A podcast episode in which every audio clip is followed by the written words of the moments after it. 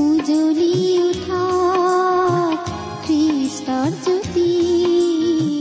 নমস্কাৰ আমাৰ মৰমীয়াল প্ৰভু যীশুৰ মহান নামেৰে আপোনাক এয়া ভক্তিবচন অনুষ্ঠানলৈ আদৰিছো।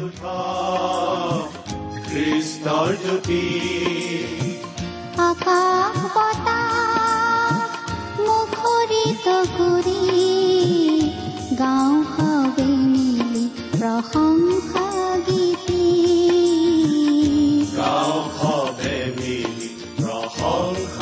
গীতি আজিৰে পবিত্ৰ ক্ষণতে উজলি উঠা খ্ৰীষ্টৰ জ্যোতি ঈশ্বৰে আপোনাক যি অসীম প্ৰেম কৰিলে তাক যদি অনুভৱ কৰিব বিচাৰে আৰু তেওঁৰ অগম্য বাক্যৰ মৌ মিঠা সোৱাদ ল'ব বিচাৰে তেন্তে আহক আজিৰ ভক্তিবচন অনুষ্ঠানটো মনোযোগেৰে শুনো।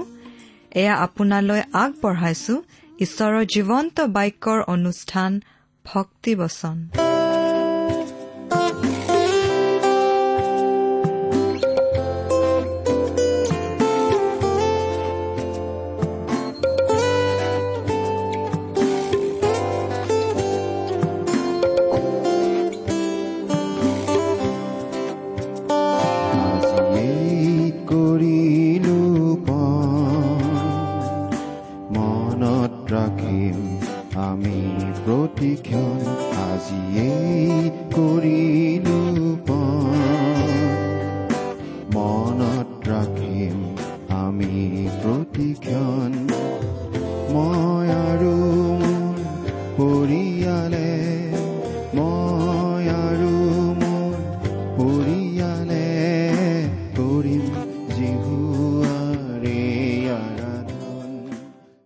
মহান ত্ৰাণকৰ্তা প্ৰভু যীশুখ্ৰীষ্টৰ নামত নমস্কাৰ প্ৰিয় শ্ৰোতা।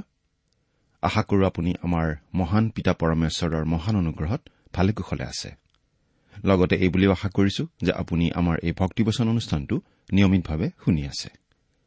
আমাৰ বহুতো শ্ৰোতাই আমালৈ চিঠি পত্ৰ লিখি থাকে আৰু এই অনুষ্ঠান শুনি তেওঁলোকে উপকৃত হোৱা বুলিও আমাক জনায় আৰু তেনেকুৱা চিঠিবোৰে আমাক কাম কৰি যাবলৈ যথেষ্ট উৎসাহ যোগায়। আপুনিও আমালৈ দুষাৰিমান লিখি পঠিয়াবচোন। এই অনুষ্ঠান সম্বন্ধে আপোনাৰ মতামত জনাই দুষাৰিমান আজিয়ে লিখি নপঠিয়াই কিয়?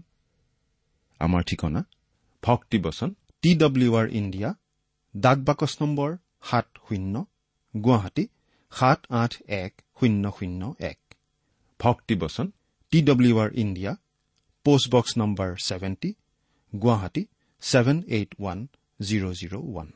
আমাৰ website W W W dot radio' eight eight two dot com আহকচোন আজিৰ বাইবেল অধ্যয়ন আৰম্ভ কৰাৰ আগতে খন্তেক প্ৰাৰ্থনা কৰো। আমাৰ স্বৰ্গত থকা মৰমীয়াল পিতৃ ঈশ্বৰ তোমাক ধন্যবাদ জনাওঁ কাৰণ তোমাৰ মহান বাক্য বাইবেল শাস্ত্ৰ অধ্যয়ন কৰিবলৈ তুমি আমাক আকৌ এটা সুযোগ দান কৰিছা। তোমাক শত কোটিবাৰ ধন্যবাদ জনাওঁ কাৰণ তুমি তোমাৰ একেজাত পুত্ৰ যীশুখ্ৰীষ্টৰ জৰিয়তে আমালৈ অনন্ত জীৱনৰ আশীৰ্বাদ বিনামূল্যে আগবঢ়াইছা। এতিয়া তোমাৰ বাক্য অধ্যয়ন কৰিবলৈ ওলাইছো। তোমাৰ বাক্য তুমিয়েই আমাক বুজাই দিয়া। আমাৰ মৰমৰ শ্ৰোতাসকলক উপচি পৰাকৈ আশীৰ্বাদ কৰা। তেওঁলোকৰ সকলো প্ৰয়োজনৰ কথা তুমিহে ভালদৰে জানা আৰু সেই সকলো তুমিয়েই পূৰণ কৰা। কিয়নো এই প্ৰাৰ্থনা আমাৰ মহান ত্ৰাণকৰ্তা প্ৰভু যীশুখ্ৰীষ্টৰ নামত আগবঢ়াইছো।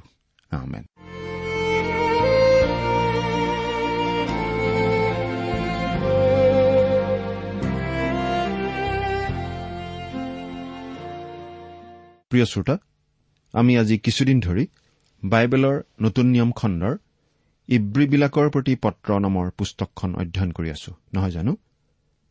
আমি যোৱা অনুষ্ঠানত এই ইব্ৰী পুস্তকখনৰ পাঁচ নম্বৰ অধ্যায়ৰ ছয় নম্বৰ পদলৈকে পঢ়ি আমাৰ আলোচনা আগবঢ়াইছিলো নহয়নে বাৰু?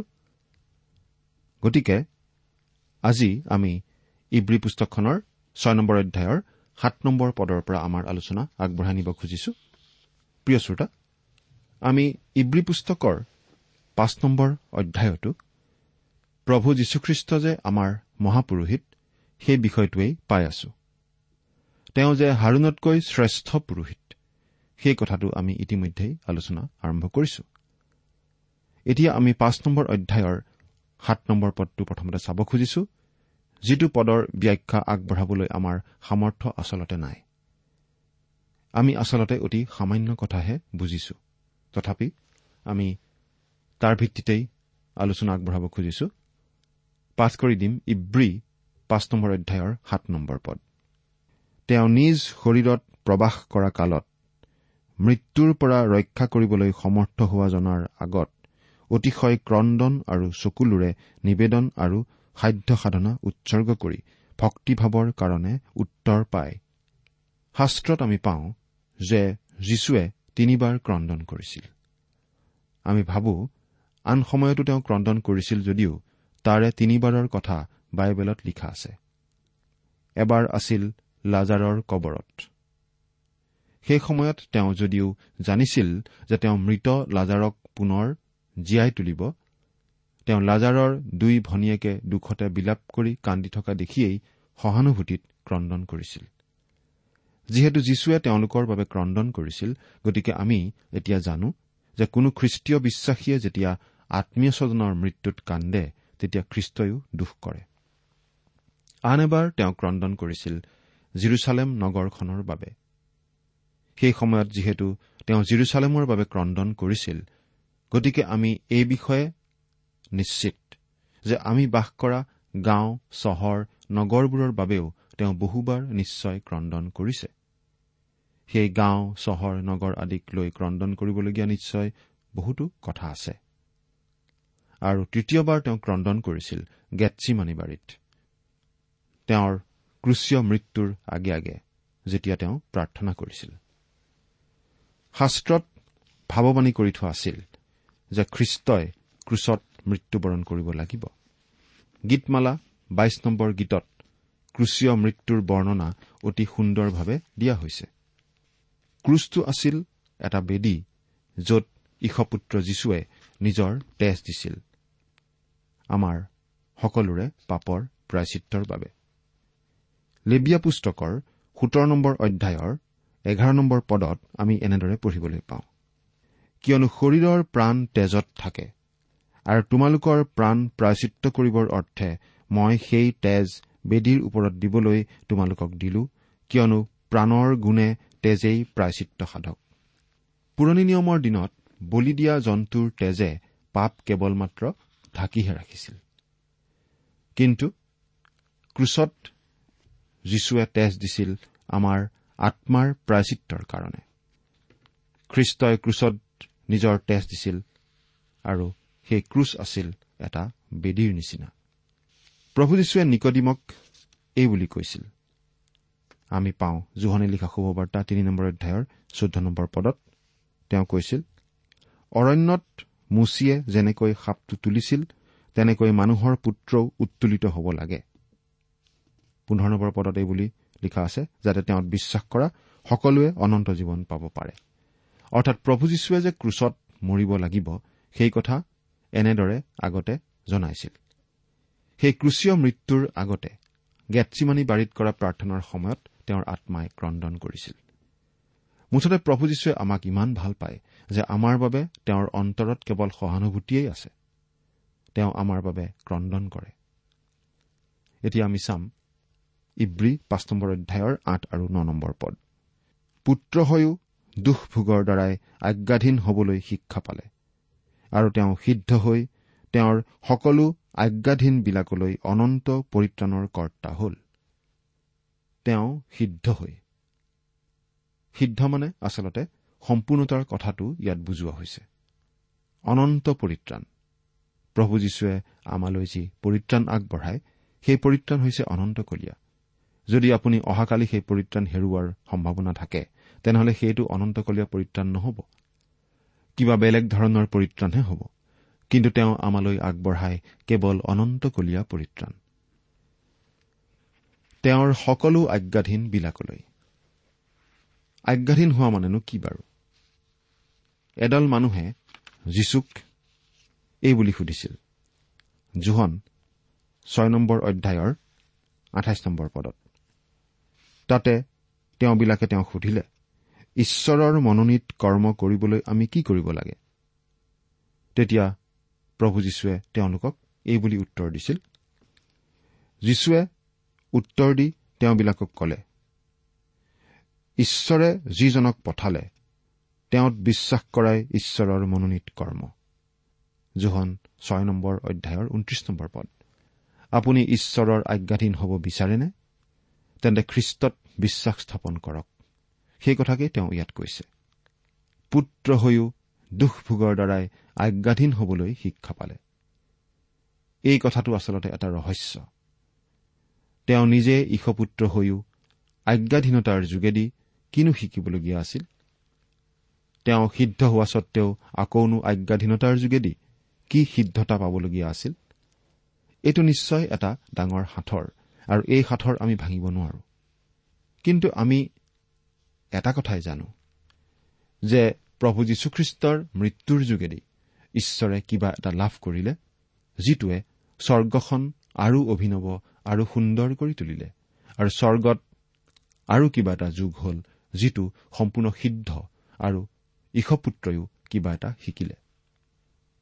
মানুহে বহু ধৰণে কথাখিনিৰ ব্যাখ্যা আগবঢ়ায় কিন্তু সেই ব্যাখ্যাবোৰৰ কোনোটোৱেই আচলতে আমাক সম্পূৰ্ণৰূপে সন্তুষ্ট কৰিব নোৱাৰে। আমি কেৱল এই কথাটোহে বুজি পাওঁ যে এইটো এটা ডাঙৰ সাঁথৰ খ্ৰীষ্টই নিজৰ গাত আমাৰ মানৱ ৰূপ ললে আৰু সেই মানৱ ৰূপত তেওঁ ঈশ্বৰৰ আজ্ঞাধীন হ'ল। তেওঁ এই বুলি কৈছিল মোক পঠোৱা জনাৰ বাঞ্ছা এই যে তেওঁ মোক যি সকলো দিলে তাৰ একোৱেই নেহেৰুৱাই শেষৰ দিনা যেন তাক তোলো। তেওঁৰ বিষয়ে পাচনি পৌলেও এই বুলি কৈছিল ফিলিপিয়া দুই নম্বৰ অধ্যায়ৰ সাত আৰু আঠ নম্বৰ পদত পাঠ কৰি দিব খুজিছো। ফিলিপিয়া দুই নম্বৰ অধ্যায়ৰ সাত আৰু আঠ নম্বৰ পদ। কিন্তু নিজকে শূন্য কৰি দাস ৰূপ ধাৰণ কৰি মানুহৰ নিচিনা হ'ল আৰু আকাৰ প্ৰকাৰত মানুহৰ দৰে হৈ নিজকে সৰু কৰি মৃত্যুলৈকে এনেকি ক্ৰুচীয় মৃত্যুলৈকে আজ্ঞাধীন হ'ল। কিন্তু আমি বেছিভাগ মানুহেই যেতিয়া মৰিম তেতিয়া কিন্তু বাধ্য হৈ নমৰিম কাৰণ আমি বেছিভাগ মানুহেই আচলতে মৰিব নোখোজো। মৰিম মৰিম বুলি কোনেও কৈ নাথাকো। মৰিবলৈ ইচ্ছা কৰি থকা মানুহক আমি অস্বাভাৱিক মানুহ বুলিহে ক'ম। মানুহে সাধাৰণতে যিমান পাৰে সিমান দিন বেছি দিন বাচি থাকিবলৈ ইচ্ছা কৰে। কিন্তু প্ৰভু যীশুখ্ৰীষ্ট মৃত্যুলৈকে আজ্ঞাধীন হ'ল কাৰণ তেওঁ মানৱৰ মুক্তিৰ বাবে ক্ৰুচত মৰি দিবলৈকে এই পৃথিৱীলৈ আহিছিল। দহ নম্বৰ পদটো পঢ়ি দিব খুজিছো। আৰু মলকিছেদকৰ ৰীতি অনুসাৰে হোৱা মহাপুৰোহিত বুলি ঈশ্বৰৰ দ্বাৰাই অভিহিত হ'ল। প্ৰভু যীশুখ্ৰীষ্ট মৃত্যুলৈকে আজ্ঞাধীন হ'ল আৰু মলকিছেদকৰ ৰীতি অনুসাৰে তেওঁ আমাৰ মহাপুৰোহিত হ'ল। সেইবাবে ঈশ্বৰেই তেওঁক সেই বুলি ঘোষণা কৰিলে। এতিয়া আমাৰ আগত তৃতীয়টো সাৱধানবাণী ৰখা হৈছে। যেন ৰাস্তাত এটা ৰঙা লাইটহে জ্বলি আছে। শুনিও নুশুনা হোৱা নাইবা শুনি শুনি আমনি পোৱা অৱস্থা এটা মানুহৰ হৈ যাব পাৰে। এই অধ্যায়টোৰ বাকীখিনি অংশ এই বিষয়টোৰ ওপৰতেই লিখা হৈছে। পদ। সেইজনাৰ বিষয়ে আমাৰ অনেক কথা কবলৈ আছে কিন্তু তোমালোকৰ কাণ গধুৰ হোৱাত তাক বুজাবলৈ টান। সেইজনাৰ বিষয়ে আমাৰ অনেক কথা কবলৈ আছে। পত্ৰখনৰ লিখকে কৈছে মোৰ এতিয়াও আচলতে বহু কথা কবলৈ আছে। তাক বুজাবলৈ টান। সেই সকলো কথা কিয় বাৰু বুজাবলৈ টান? তোমালোকৰ কাণ গধুৰ হোৱাত। পত্ৰৰ লিখকজনে গোটেই কথাবিলাক ধুনীয়াকৈ ক'ব পাৰে। কিন্তু তেওঁ কৈছে যে যিসকললৈ এই পত্ৰখন লিখা হৈছিল তেওঁলোকে গোটেই কথাবিলাক বুজি নাপাব। কেতিয়াবা গীৰ্জা উপাসনাৰ পাছত কোনোবা মানুহে এনেকৈ কোৱা বাৰু আপুনি শুনিছেনে? আজি পালকজনৰ কিবা এটা হৈছে। তেওঁ যিমান ভাল বাৰ্তা দিব পাৰে সিমান ভালকৈ আজি বাৰ্তা দিব পৰা নাই। কিন্তু সেইদিনা পালকজনতকৈ সমস্যাটো আচলতে সেই মানুহজনতহে থাকিব পাৰে কাৰণ সেই মানুহজনৰ কাণ গধুৰ হ'ব পাৰে। কওঁতাজন একেই থাকিব পাৰে শুনোতাজনতহে সমস্যাটো থাকিব পাৰে। এই শুনাৰ সমস্যাটোৱেই আজি খ্ৰীষ্টীয় বিশ্বাসীসকলৰ এটা ডাঙৰ সমস্যা। মলকিছেদকৰ ৰীতি অনুসাৰে খ্ৰীষ্ট যে মহাপুৰোহিত এইটো এটা গধুৰ তত্বমূলক বিষয় বেলেগ ধৰণৰ বিষয়। আৰু লিখকজনে এই বিষয়টোৰ ওপৰত কথা ক'ব খুজিছে। কিন্তু সেই বিষয়টো বুজি পাবলৈ শুনোতাজনৰ আম্মিক বোধ শক্তি প্ৰখৰ হ'ব লাগিব। কথাখিনি ভালদৰে বুজিবলৈ আম্মিকভাৱে সচেতন হ'ব লাগিব। আৰু ঈশ্বৰৰ বাক্যৰ কিছু হলেও জ্ঞান থাকিব লাগিব। কিন্তু যিসকল ইব্ৰী লোকলৈ এই পত্ৰখন লিখা হৈছিল তেওঁলোকৰ সাধাৰণ বুদ্ধি প্ৰখৰ আছিল নে নাছিল সেই কথা আমি ক'ব নোৱাৰো কিন্তু তেওঁলোকৰ আম্মিক বুদ্ধি হলে ভুতুহা আছিল। তেওঁলোকক শিকোৱাটো টান কাম আছিল কাৰণ তেওঁলোকক কথাবোৰ বুজাই দিয়াটো টান আছিল। তেওঁলোক কেঁচুৱাৰ নিচিনা হৈ আছিল। আজিও আচলতে বহুতো খ্ৰীষ্টীয় বিশ্বাসী তেনেকুৱা অৱস্থাতেই আছে। আৰু সেইবাবে কেঁচুৱাক কথা কোৱাৰ নিচিনাকৈ তেওঁলোকক সহজ সৰল কথা কোৱাটোহে তেওঁলোকে বিচাৰিছিল। তেওঁলোকে বুজিবলৈ টান লগা কথা শুনিবলৈ আগ্ৰহী নাছিল। এনেকুৱা মানুহ আজি খ্ৰীষ্টীয় সমাজত অনেক আছে। আৰু এই কথাটো জানে বাবেই বহুতো শিক্ষকে বহুতো প্ৰচাৰকে পুলপিতত হত্যাকৰ্ম কৰি থাকে। অৰ্থাৎ ঈশ্বৰৰ বাক্য হত্যা কৰে। অৰ্থাৎ ঈশ্বৰৰ বাক্য হত্যা কৰি তাৰ ঠাইত নিজৰ মতামত দাঙি ধৰে। আৰু মানুহবিলাকেও তেনেকুৱা ধৰণৰ কেঁচুৱাক কোৱা কাহিনীহে বেছি পচন্দ কৰে। ফলত বহু সময়ত ঈশ্বৰৰ বাক্য একেবাৰে পনীয়া কৰি পেলোৱা আমি দেখিবলৈ পাওঁ। এতিয়া আমি পাঠ কৰি দিম। বাৰ নম্বৰ পদ। কিয়নো যি স্থলত ইমান দিনে তোমালোক শিক্ষক হ'ব লাগিছিল এনে স্থলত। কোনোৱে যেন পুনৰাই তোমালোকক ঈশ্বৰৰ বচনসমূহৰ আদি কথাৰূপ বৰ্ণমালা শিকায় তোমালোকৰ এনে প্ৰয়োজন হ'ল। আৰু তোমালোক এনেকুৱা মানুহ হলা যে টান আহাৰ নহয় গাখীৰ তোমালোকৰ প্ৰয়োজন হ'ল। আকৌ এবাৰ পঢ়ি দিছো। কিয়নো যি স্থলত ইমান দিনে তোমালোক শিক্ষক হ'ব লাগিছিল এনে স্থলত কোনোৱে যেন পুনৰাই তোমালোকক ঈশ্বৰৰ বচনসমূহৰ আদি কথাৰূপ বৰ্ণমালা শিকাই তোমালোকৰ এনে প্ৰয়োজন হ'ল আৰু তোমালোক এনেকুৱা মানুহ হলা যে টান আহাৰ নহয় গাখীৰ তোমালোকৰ প্ৰয়োজন হ'ল। প্ৰিয় শ্ৰোতা অতি স্পষ্ট কথা কিন্তু টান কথা ইয়াত কোৱা হৈছে। যি স্থলত ইমান দিনে তোমালোক শিক্ষক হ'ব লাগিছিল। অৰ্থাৎ ইয়াত এই বুলি বুজোৱা হৈছে যে যি ইব্ৰী খ্ৰীষ্টীয় বিশ্বাসী লোকসকলৰ প্ৰতি এই পত্ৰখন লিখা হৈছে সেই ইব্ৰী লোকসকলে খ্ৰীষ্টক ত্ৰাণকৰ্তা বুলি বিশ্বাস কৰা ইতিমধ্যে বহুদিন হৈ গৈছিল। তেওঁলোকে আচলতে ইমান দিনে আনৰ আগত ঈশ্বৰৰ বাক্য বুজাই ক'ব পৰা হ'ব লাগিছিল। খ্ৰীষ্টক গ্ৰহণ কৰাৰ লগে লগে আমি আম্মিকভাৱে নতুন জন্ম লাভ কৰো। পবিত্ৰ আত্মাৰ যোগেদি। আৰু লগে লগে আমি হৈ পৰো আম্মিক কেঁচুৱা ঈশ্বৰৰ পৰিয়ালৰ কেঁচুৱা। কিন্তু কেঁচুৱাৰ পৰা আমি বৃদ্ধি পাব লাগিব বাঢ়িব লাগিব পৰিপক্ক হ'ব লাগিব। আৰু আমি তেনেদৰে কেঁচুৱা অৱস্থাৰ পৰা আম্মিকভাৱে বৃদ্ধি পাই পৰিপক্ক অৱস্থা পোৱাটো ঈশ্বৰে বিচাৰে। আমি আনৰ পৰা কেৱল শিকি থাকিলেই নহ'ব। আমি নিজে পৰিপক্ক হৈ আনকো ঈশ্বৰৰ বাক্য বুজাই ক'ব পৰা হ'ব লাগিব।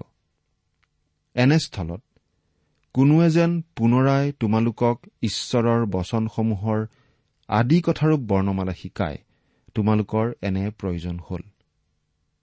চাওকচোন তেওঁলোকৰ অৱস্থা কেনেকুৱা আছিল। সেই ইব্ৰী খ্ৰীষ্টীয় লোকসকলে আনক ঈশ্বৰৰ বাক্য বুজাই ক'ব পৰা হ'ব লাগিছিল।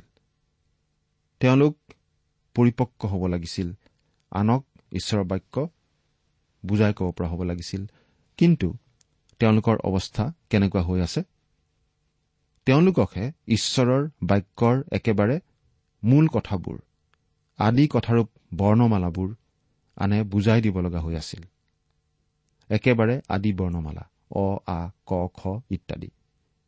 কোনোবাই আমাক কিতাপ এখন পঢ়ি দিব পৰা হ'ব লাগিছিল কিন্তু তেওঁক যদি ওলোটাই আমি অ আ ক খ শিকাব লগা হয় কথাটো বাৰু কেনেকুৱা হ'ব?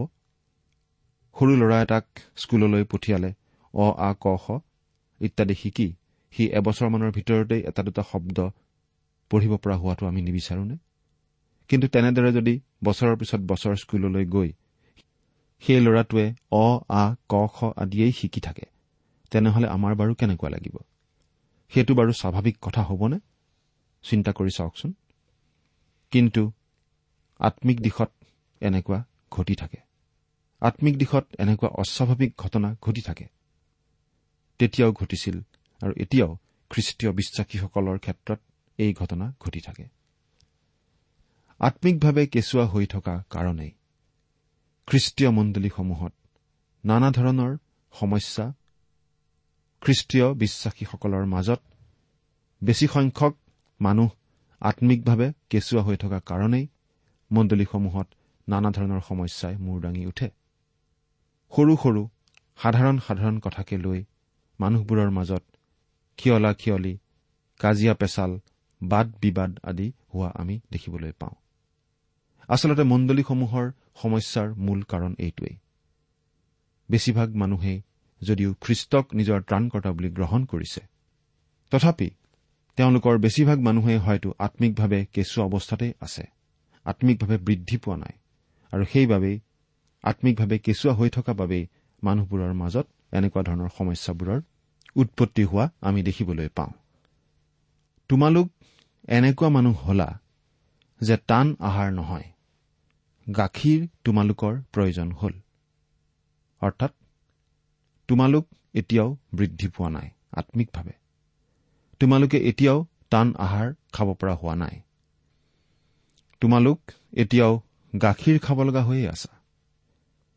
কেঁচুৱা এটাই যেনেদৰে টান আহাৰ খাব নোৱাৰে আৰু কিবা টান আহাৰ খুৱাই দিলেও হজম কৰিব নোৱাৰে ঠিক তেনেদৰে আম্মিকভাৱে কেঁচুৱা অৱস্থাত থকা মানুহেও ঈশ্বৰৰ বাক্যৰ গধুৰ কথাবোৰ বুজি পাব নোৱাৰে হজম কৰিব নোৱাৰে।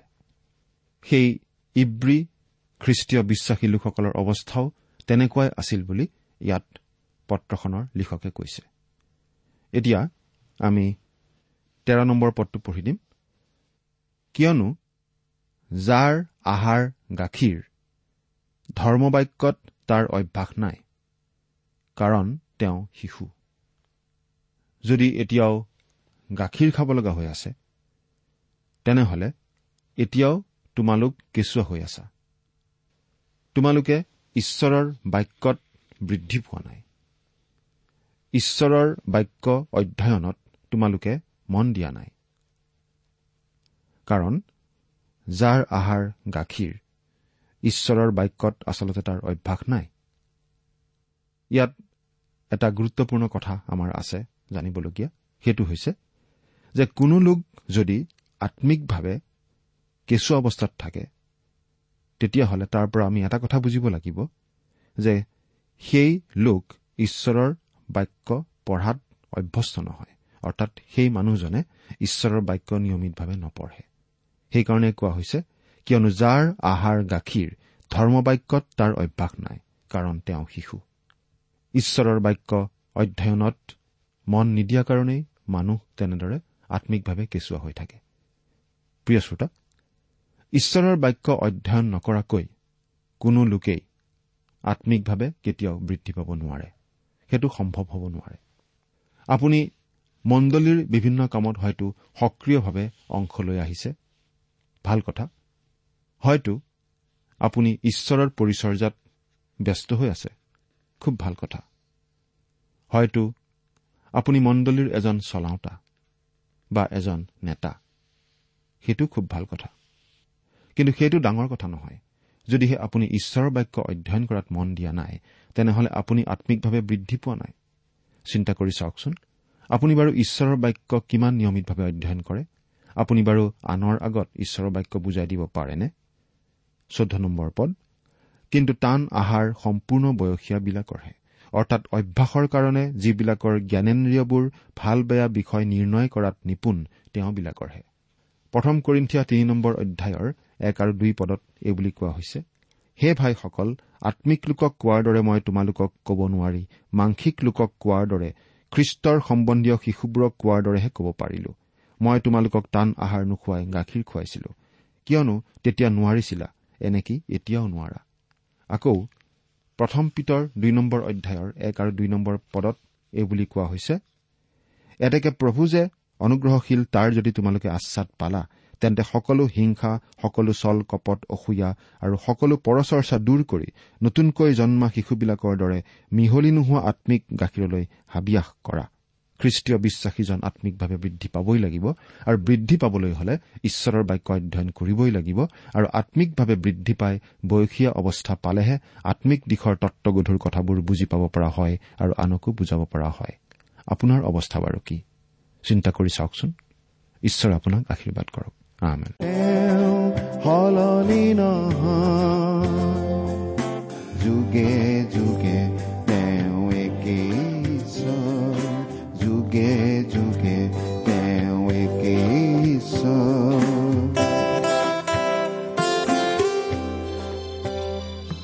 ইমান পৰে আপুনি ভক্তিবচন অনুষ্ঠানটি শুনিলে। অনুষ্ঠানটি শুনি কেনে পালে আমালৈ চিঠি লিখি জনাবচোন। অনুষ্ঠানত প্ৰচাৰ কৰা কোনো কথা বুজিব লগা থাকিলেও আমালৈ লিখক আমাৰ ঠিকনা ভক্তিবচন টি ডাব্লিউ আৰ ইণ্ডিয়া ডাক পাকচ নম্বৰ সাত শূন্য গুৱাহাটী সাত আঠ এক শূন্য শূন্য এক। ঠিকনাটো আৰু এবাৰ কৈছো ভক্তিবচন টি ডাব্লিউ আৰ ইণ্ডিয়া ডাক পাকচ নম্বৰ সাত শূন্য গুৱাহাটী সাত আঠ এক। শূন্য শূন্য এক। আপুনি ইমেইল যোগেৰেও আমাৰ সৈতে যোগাযোগ কৰিব পাৰে। আমাৰ ইমেইল আইডিটো হৈছে Assamese T TV at radio' eight eight two dot com. আইডিটো আকৌ এবাৰ কৈছো। Assamese T TV at radio' eight eight two dot com. আপুনি টেলিফোনৰ মাধ্যমেৰেও আমাক যোগাযোগ কৰিব পাৰে। আমাৰ টেলিফোন নম্বৰটো হৈছে শূন্য তিনি ছয় এক দুই ছয় শূন্য চাৰি ছয় সাত এক। ফোন নম্বৰটো আকৌ এবাৰ কৈছো zero' three six one two six zero' four six seven one. আজিৰ অনুষ্ঠানটি ইমানতে সামৰিছো। ঈশ্বৰৰ শান্তি আৰু অনুগ্ৰহ আপোনাৰ লগত থাকক। ধন্যবাদ। প্ৰেম অনুগ্ৰহৰ ভৰসাতে আমি যাওঁ আগুৱাই। প্ৰতি খোজতে আশ্বাস সহায়ৰ তেওঁৱেই দিয়ে বাৰে বাৰে সোঁৱৰাই সেয়েহে আমি গোটেই জীৱন সেয়েহে আমি গোটেই জীৱন কৰি জিহুৱাৰে